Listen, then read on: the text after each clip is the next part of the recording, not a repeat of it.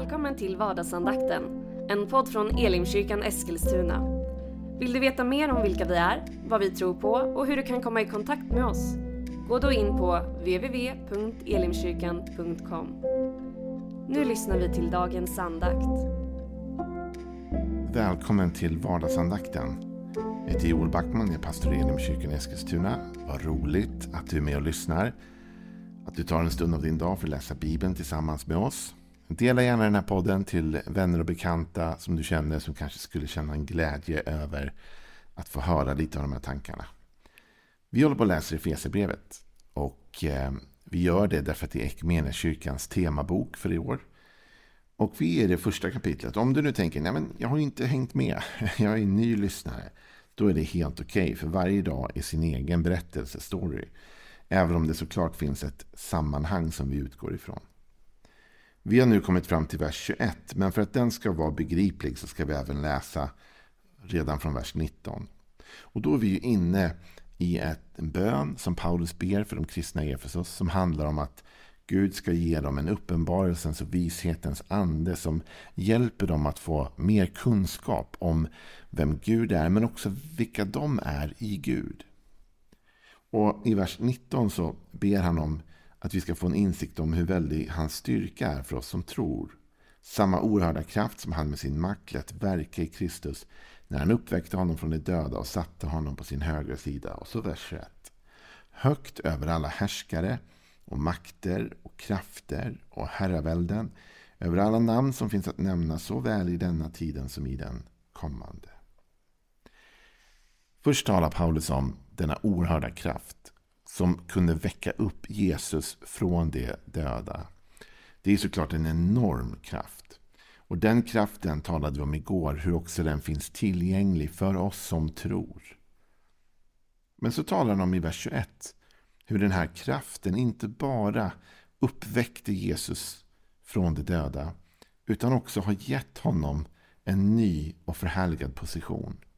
Hur den här kraften nu har fört Jesus upp i position högt över alla härskare och makter och krafter och herravälden över alla namn som finns att nämna såväl i denna tiden som i den kommande.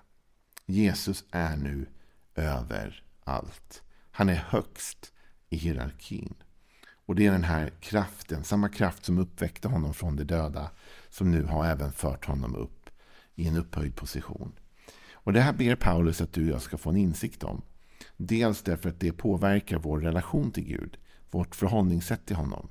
Om vi inser att han är överallt, då kommer det påverka vårt böneliv, det kommer påverka hur vi förhåller oss till honom. Men också om vi lär oss och tar in den här sanningen som Efesierbrevet är fyllt av, det vill säga att vi är i Kristus. Då förändrar det också vår syn på oss själva och den plats som vi har.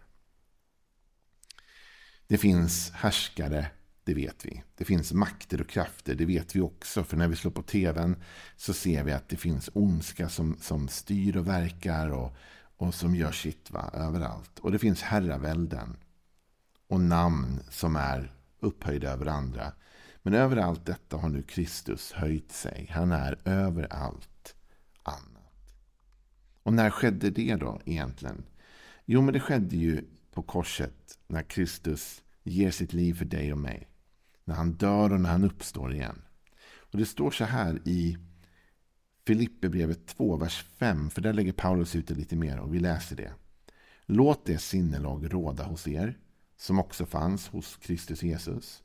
Han ägde Guds gestalt men vakade inte över sin jämlikhet med Gud utan avstod från allt och antog en tjänares gestalt och han blev som en av oss. När han till det yttre hade blivit människa gjorde han sig ödmjuk och var lydig ända till döden, döden på ett kors. Därför har Gud upphöjt honom över allt annat och gett honom det namn som står över alla andra namn. För att alla knän ska böjas för Jesu namn i himmelen, på jorden och under jorden. Och alla tungor ska bekänna att Jesus Kristus är Herre, Gud Fadern till ära på grund av Jesu vilja att offra sig själv för dig och mig, ge sitt liv och sen då även bli uppstånden genom Guds kraft så har Gud nu upphöjt honom och gett honom ett namn som är över alla andra namn. Så Jesus är överallt. Därför har Gud upphöjt honom överallt. Det här behöver du och jag ta till oss, att Jesus står i en klass för sig själv. Han är toppen av hierarkin. Han är verkligen på toppen. Jag var i en miljö en gång, ska inte avslöja vilken kanske. Men det var i alla fall en plats där jag var. Jag skulle göra ett uppdrag och så kom det en man som kom in efter en stund och han var den som ägde bolaget då, som jag var på. Och eh, vid den tidpunkten. Och han tittar på mig, han presenterar sig och presenterar mig. Och han så pekar han på sig själv och så pekar han uppåt och så säger han Du vet, det är jag som är på toppen här. Eh, och det visste jag ju. Eh, och han var en väldigt trevlig man. Men poängen var i alla fall att han markerade också vem han var och vad hans roll var. Han var på toppen. Vet du, Jesus är på toppen av allt. Det finns ingen högre än Jesus. Det finns ingen som har mer beslutande rätt än Jesus. Det finns ingen som kan höja sig över Jesus. Utan Jesus är överallt. Och han har ett namn som står över alla andra namn. Du vet i en hierarki ibland så kan ett namn ha betydelse. Till exempel den mannen jag mötte. Han poängterade sin betydelse på det bolaget eller företaget. Och han visade att i slutändan så är det jag som beslutar här. Och på samma sätt är det med Jesus. Att i slutändan är det Jesus som har rätten att säga ja eller nej. Han har rätten att avgöra. Och här talas det om att den rätten har nu blivit given honom inte bara här och nu. Inte bara i himlen och inte bara på jorden utan även under jorden. Och när det talas om under jorden så talas det om dödsriket. Det talas om såklart de delarna. Så Jesus har makt i alla dimensioner. Alla knän ska böjas för Jesu namn i himmelen.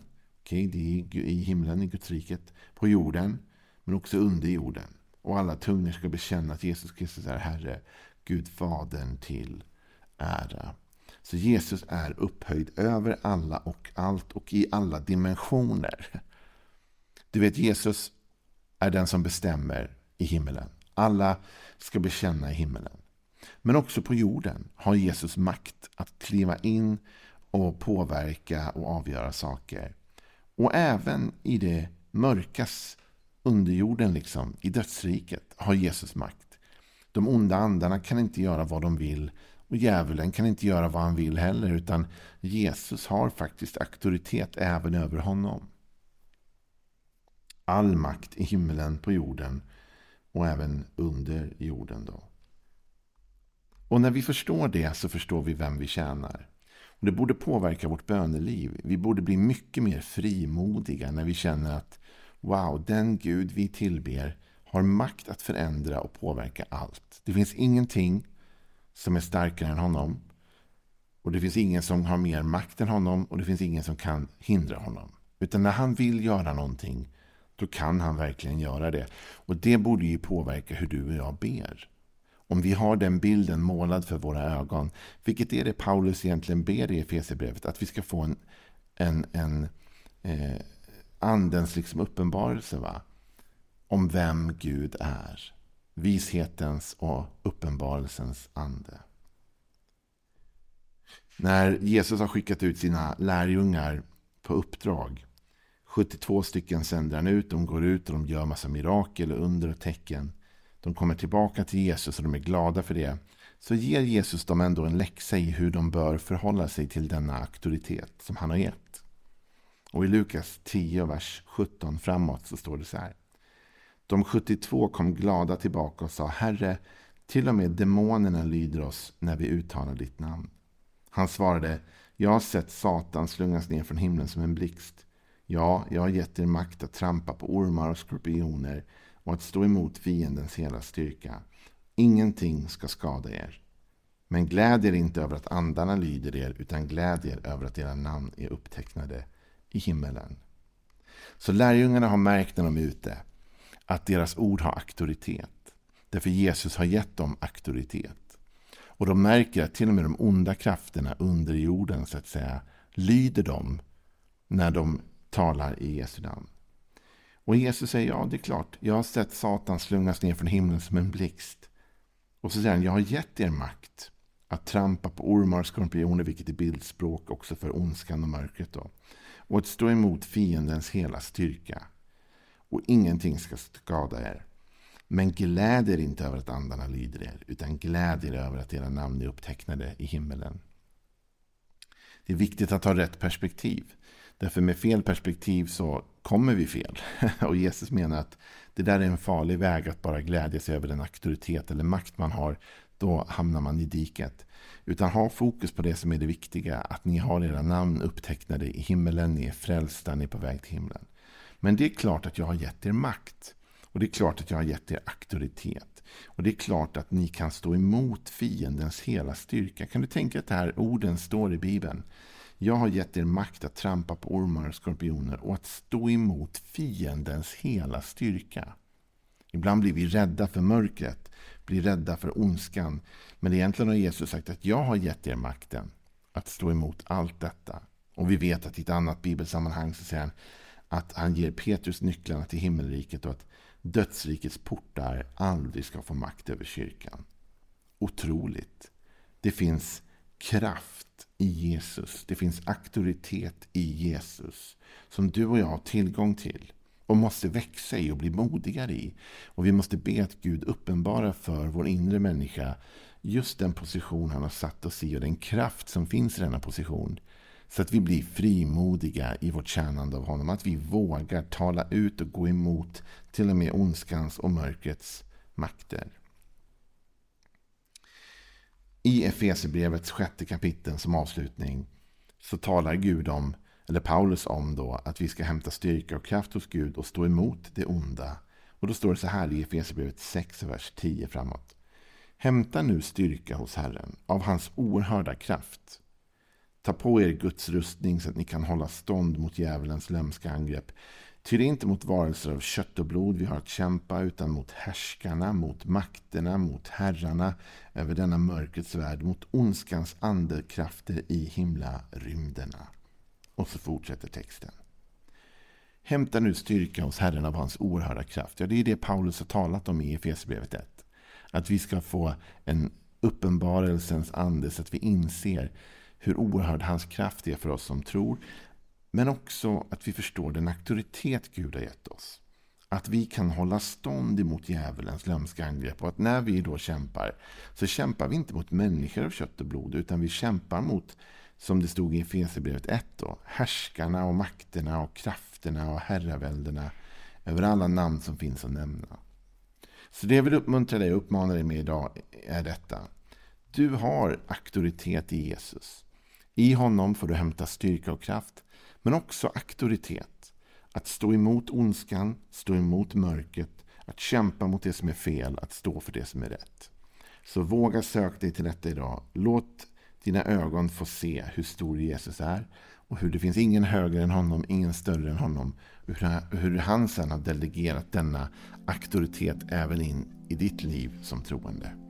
Ha en välsignad dag. Imorgon kommer vi fortsätta de här tankarna, så missa inte det. Då ska vi tala också om kyrkans roll lite grann i detta. Så häng på då. Hej då. Du har nu lyssnat till vardagsandakten från Elimkyrkan Eskilstuna. Du har väl inte missat att vi finns på sociala medier? Eller att vi varje söndag firar gudstjänst? Hoppas att vi ses där.